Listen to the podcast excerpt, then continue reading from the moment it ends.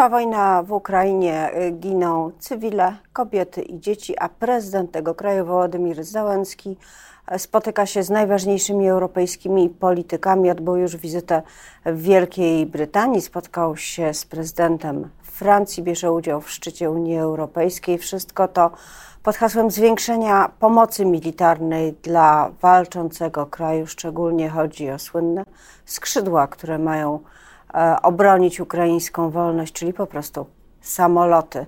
A w Turcji e, i Syrii trwa e, cały czas akcja poszukiwawcza ofiar trzęsienia ziemi, o które z niezwykłą siłą spowodowało wielkie zniszczenia i e, ogromną liczbę ofiar. Sytuacja jest bardzo trudna z powodu pogody. Polscy ratownicy medyczni i górniczy też już są na miejscu. W Sejmie natomiast wczoraj odbywały się głosowania i to głosowania w atmosferze e, raz wielkiego smutku i rezygnacji, a raz wielkiej fiesty, ponieważ opozycja wygrała trzy głosowania z rzędu. Między innymi o tym będę rozmawiała już za chwilę z moim gościem, Zuzanna Dąbrowska. Dzień dobry.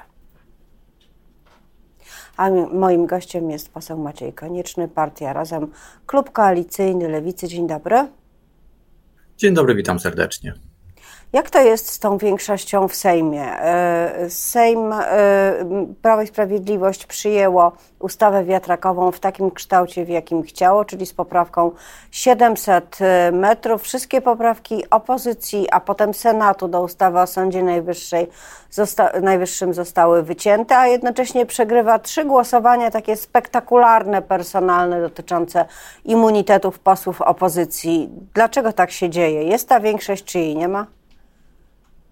Niestety wszystko wskazuje na to, że większość jest do przeprowadzenia kluczy, chodzi o ten aktualny, aktualny kształt chociażby ustawy wiatrakowej, która jest bardzo kulawa, e, bardzo niewiele zmienia w sytuacji energii wiatrowej e, na lądzie dzięki tej poprawce Marka Suskiego, który która właściwie wywróciła ją do kronogami, to dlatego większość jest. Z trudem uzgadniana większość z Solidarną Polską, większość, która sprawia, że te rozwiązania wychodzą właśnie w formie jakiegoś kulawego kompromisu, ale jest. Jeżeli chodzi o odrzucenie poprawki w Sądzie Najwyższym, ta większość również się znalazła, więc, e, więc poza przypadkami takimi jednak incydentalnymi, jak chociażby te głosowania personalne w, sprawie uchylenia immunitetu, to póki co ta większość jest, ale niestety e, zawsze ona musi, być urabiana w tych rozmowach wewnątrz Zjednoczonej Prawicy, co sprawia, że prawo wychodzi jeszcze gorsze e, niż gdyby tej większości nie było, a, a niestety do rządzenia to wystarcza.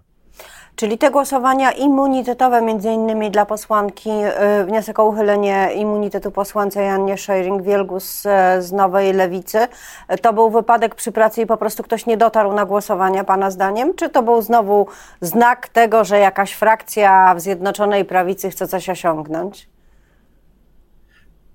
Trudno dojść do tych, e, do tych wewnętrznych spraw Zjednoczonej Prawicy, bo tam się bardzo dużo dzieje. Zwracam tylko uwagę, że nawet te frakcje są na tyle odważne, żeby, e, żeby zrobić e, PiSowi czy, czy, czy, czy, czy, czy, tej, czy ośrodkowi władzy skupionemu wokół Jarosławie Kaczyńskiemu niespodzianki w tych sprawach niezbyt kluczowych dla, e, dla obozu władzy, a tam, gdzie faktycznie e, decydują się najważniejsze rzeczy, to i Solidarna Polska, i Zbigniew Ziobro jakoś e, mu ubywa odwagi, tak? I, i koniec końców one przechodzą. Więc, więc na to bym zwrócił uwagę, że są jakieś takie harce, które czasami mogą cieszyć, bo mnie bardzo cieszy, że, że posłanka Schering-Wielgus, nie, nie, że jej immunitet nie zostanie uchylony, ale nie wiązałbym z tym wielkich nadziei co do większości rządzącej być może w najbliższym czasie dojdzie do tego, że Jarosław Kaczyński zdecyduje się wyrzucić Zbigniewa Ziobrę. Ale wtedy naprawdę nie będziemy się zastanawiać, czy to już, czy jeszcze nie i czy to głosowanie e, nad immunitetem jest, jest już znakiem, że to się wydarzyło. Po prostu to się stanie z hukiem.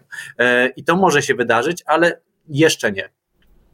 E, oczywiście może się wydarzyć, ale na razie mamy do czynienia z sytuacją dość E, powiedziałabym, szaloną, jeżeli chodzi o Zbigniewa Ziobrę, ponieważ e, przedwczoraj wystąpił on z taką płomienną odezwą do premiera, e, nawołując go do tego, żeby natychmiast zaprzestał wszelkich dalszych prac nad nowelizacją ustawy o Sądzie Najwyższym e, jako szkodliwej, lichwiarskiej pożyczki. No znowu te wszystkie argumenty, które już Solidarna Polska stosowała, a następnie bez mrugnięcia okiem procedował sam, czyli prowadził pracę nad tą ustawą, odrzucając poprawki Senatu, co oczywiście być może przyniosło mu dużo radości jako walka z opozycją, ale jednocześnie przyspieszyło uchwalenie e, ustawy i przyjęcie jej e, przez parlament, wysłanie do prezydenta. O co tu chodzi w tej grze?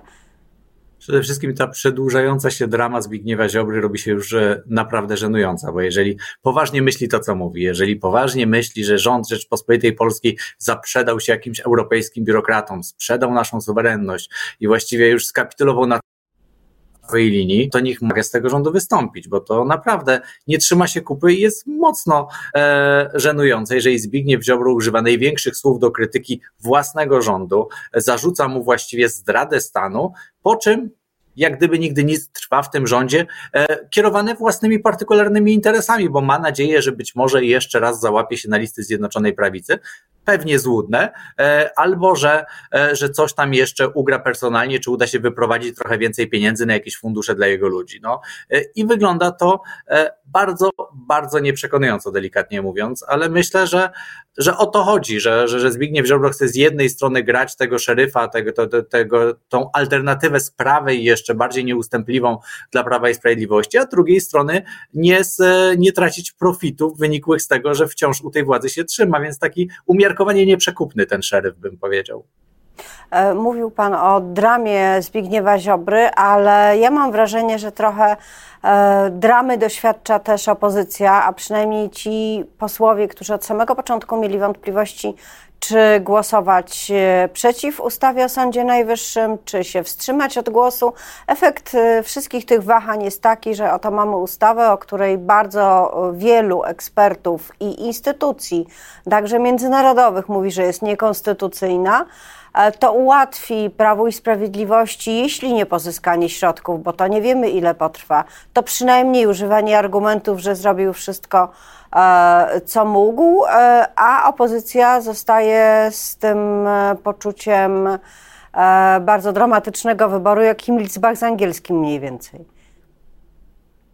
Ja mam przekonanie, że te pieniądze z Europejskiego Funduszu Odbudowy na KPO to są przede wszystkim pieniądze dla Polski. Nie dla PiSu, nie dla Platformy, nie dla Lewicy, ale dla Polski i dobrze, żeby się w Polsce znalazły, szczególnie, że w ogromnej większości korzystał będzie z nich następny rząd, a ja jestem przekonany, że będzie już to rząd, który będzie się zupełnie inny niż, niż ten obecnie tworzony przez Prawo i Sprawiedliwość. I faktycznie no nie można mieć wątpliwości co do tej ustawy, że ona niczego nie naprawia, jeżeli chodzi o system sprawiedliwości, jeżeli chodzi o praworządność w Polsce.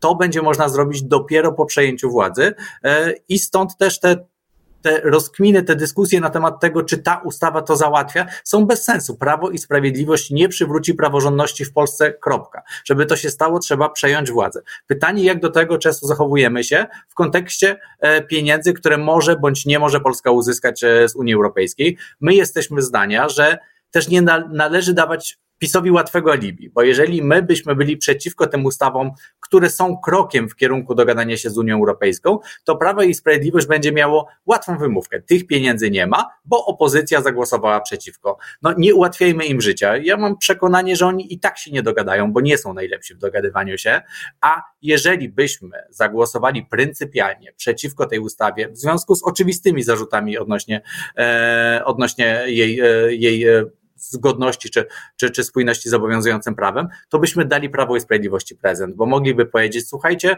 to nie nasza odpowiedzialność, my byśmy te pieniądze załatwili, byliśmy o krok od załatwienia pieniędzy dla Polski, ale zła opozycja wyszła i zagłosowała przeciwko. Ale to Zjednoczona Prawica nie ma większości w tej sprawie, a nie opozycja. To Zjednoczona Prawica nie uchwaliłaby ustawy, a nie opozycja w związku z tym, że opozycja, która mówi, i, i, mówimy to szczerze, że chcemy tych pieniędzy dla Polski, kiedy e, miała być procedowana ustawa, która w ocenie Prawa i Sprawiedliwości ma być drogą ku temu, ma być warunkiem, e, spełnieniem warunku Unii Europejskiej, to wtedy opozycja zdecydowała się te pieniądze zablokować. I, e, i wydaje mi się, że naprawdę będzie czas na to, żeby naprawiać kwestie wymiaru sprawiedliwości i praworządności w Polsce po wyborach Teraz myślę, że warto zadbać o to, żeby te pieniądze po prostu trafiły do Polski. Szansa jest bardzo niewielka w mojej ocenie, szczególnie, że tak jak rządzący zarzekają się, że wszelkie zmiany w ustawie o Sądzie Najwyższym doprowadziłyby do złamania umowy z Unią Europejską i stąd ten zarzut wobec opozycji, że próbuje tą ustawę naprawiać, a z drugiej strony ustawa, która jest kolejnym warunkiem, czyli ustawa wiatrakowa, jest wywracana do góry nogami przez Marka Suskiego na ostatnią chwilę i to już nie jest problem w uzgodnieniach z no właśnie, Europejską. 200 metrów. 200 metrów większa odległość niż to, co było w projekcie oryginalnym z 500 do 700. Czy to jest tylko koncesja na rzecz takiego twardego skrzydła Prawa i Sprawiedliwości, które e, w poprzedniej kampanii zrobiło sobie z, ze sprzeciwu wobec wiatraków sztandar? Czy to rzeczywiście zmienia systemowo możliwość rozwoju energetyki wiatrowej w Polsce? To wywraca tą ustawę do góry nogami. Eksperci nie mają wątpliwości, że zwiększenie tego parametru, tej minimalnej odległości z 500 do 700 metrów od, e, od budynków mieszkalnych sprawia, że obszar, całościowy obszar, na którym w Polsce będzie można budować wiatraki, będzie o połowę mniejszy, a możliwa moc zainstalowana nawet o 3 czwarte. Więc ta ustawa została osłabiona o połowę. O połowę mniej wiatraków, o połowę e, mniej, e, mniej terenów, na których mogły być one budowane. I stało się to w kompletnie absurdalnych okolicznościach. To na Komisji Energii Marek Suski wyciągnął poprawkę, zmieniającą istotę ustawy, zgodnie z tym, co przed chwilą powiedziałem. Przedstawiciele ministerstwa nie mieli o niej pojęcia, nie byli w stanie przedstawić możliwych konsekwencji tej zmiany, a jednak ze względu na polityczną arytmetykę wewnątrz obozu Zjednoczonej Prawicy poparli tą poprawkę. Więc są to jakieś... Właśnie minister Moskwa, minister Moskwa, mimo że nie potrafiła wytłumaczyć e, zalet poprawki, głosowała za nią. To jest dyscyplina, czy to jest jakiś większy e, interes polityczny, może ekonomiczny? To jest dyscyplina. Ja czasami współczuję przedstawicielom ministerstw e, przy, przy obecnym stanie władzy Zjednoczonej Prawicy, bo oni coś chcą realnie zrobić czasami dobrego. Na przykład mają ustawę, nad którą pracują dwa lata, konsultują ją z ludźmi, ta ustawa trzyma się kupy i na koniec się okazuje, że to wszystko jest bez sensu, ponieważ gdzieś tam te walki frakcyjne w Zjednoczonej Prawicy na ostatnią chwilę sprawiają, że Marek Suski musi zmienić to na 700 metrów. I to się zdarza coraz częściej. To są sytuacje takie, jak chociażby mamy rozwój e- Europej, polski plan budowy elektrowni jądrowych. I on jest konkretny. Tu elektrownia, tu elektrownia, plan rozpisany na dekady. I nagle wpada minister Sasin i mówi, że on zbuduje jeszcze jedną elektrownię jądrową w środku Polski. I ta sama sytuacja. Pytamy Ministerstwo Klimatu, czy to jest jakkolwiek uwzględnione w planach e, w strategii Polski? Nie. Od tak sobie minister Sasin wymyślił. Chaos i walki frakcyjne, które decydują o rzeczach kluczowych, a raczej decydują o tym, że Polska nie jest w stanie w tym momencie prowadzić e, konsekwentnej e, polityki, a, a szkoda. A propos chaos i walki frakcyjne, y, jeszcze nie ma koalicji, nie ma też y, sprecyzowanych list wyborczych opozycji, a walki frakcyjne już się toczą, kiedy obserwuję reakcje na na przykład wspólną konferencję Władysława Kosiniaka-Kamysza z Szymonem Hołownią, albo też w drugą stronę E, odgłosy dobiegające z obozu Koalicji Obywatelskiej, że jednak bardzo poważnie rozważa samodzielny start. Mam wrażenie, że wszyscy się na wszystkich obrazili. Dodajmy do tego jeszcze razem, które w sobotę zadeklarowało, że koalicja silnych lewicowych podmiotów to jest ta droga, e, którą należy iść, co trochę chyba zamyka z kolei możliwości negocjacji Włodzimierzowi Czarzastemu. Co z tym wszystkim się stanie, wydarzy. Mieliśmy mieć cztery listy, na razie mamy perspektywę trzech, czyli co, postęp? Przede wszystkim to jest kolejny wyjątkowo męczący serial, który nikomu nie służy, pod tytułem Zjednoczona Opozycja, e, bo polega głównie na tym, że opozycja sama nawala się po głowach, trochę nie wiadomo po co. Więc ja szczerze mam nadzieję, że on dobiega końca i że w końcu poszczególne formacje polityczne zajmą się przekonywaniem swoich wyborców do zagłosowania, e, czy to na lewicę, czy to na platformę, czy to najpewniej na koalicję e, Hołowni i PSL-u. I dzięki temu opozycja uzyska lepszy wynik, bo teraz walczymy z problemami, którzy, które sami stwarzamy, bo e, potrzebujemy zmobilizować jak najwięcej wyborców, żeby zagłosowali na opozycję. Wyobrażam sobie, że wyborcy partii Razem, Magdaleny Biejat, Lewicy mogą nie być bardzo szczęśliwi głosujący na Radka Sikorskiego niż czy, czy Romana Giertycha i odwrotnie, konserwatywni e, wyborcy Platformy Obywatelskiej pewnie nie marzą o tym, żeby zobaczyć, żeby zagłosować na Adriana Zandberga, więc siłą rzeczy lepiej i łatwiej i skuteczniej namówimy wyborców do głosowania na opozycję. Po pierwsze, jak przestaniemy się nawalać po głowach, a po drugie, jak e, nie będziemy na siłę łączyć się w jakieś e, niezbyt uzasadnione konfiguracje. I ja mam nadzieję, że skoro już Platforma także e, wydaje się, że podjęła decyzję, że stawia na, na start w formie koalicji obywatelskiej.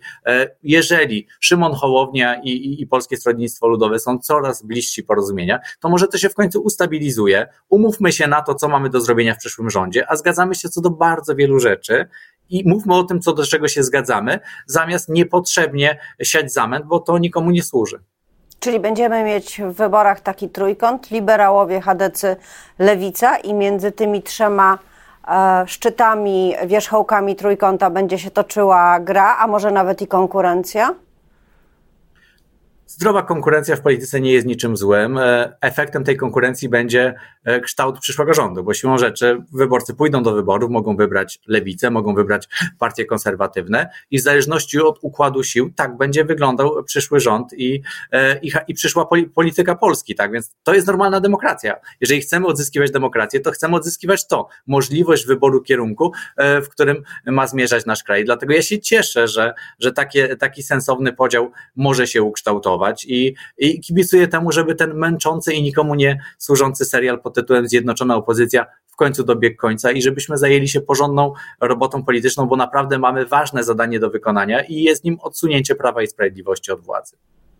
Bardzo dziękuję za tą poranną receptę na kampanię wyborczą i tworzenie nowego rządu. Dziękuję za tę rozmowę e, z ucieszonym posłem Razem i członkiem klubu Nowej Lewicy Maciejem Koniecznym. Nieobrażonym na nikogo. Rozmawiałam dzisiaj. To ewenement na scenie politycznej. Rzeczywiście gratuluję. Miłego dnia Państwu życzę. Miłego dnia również.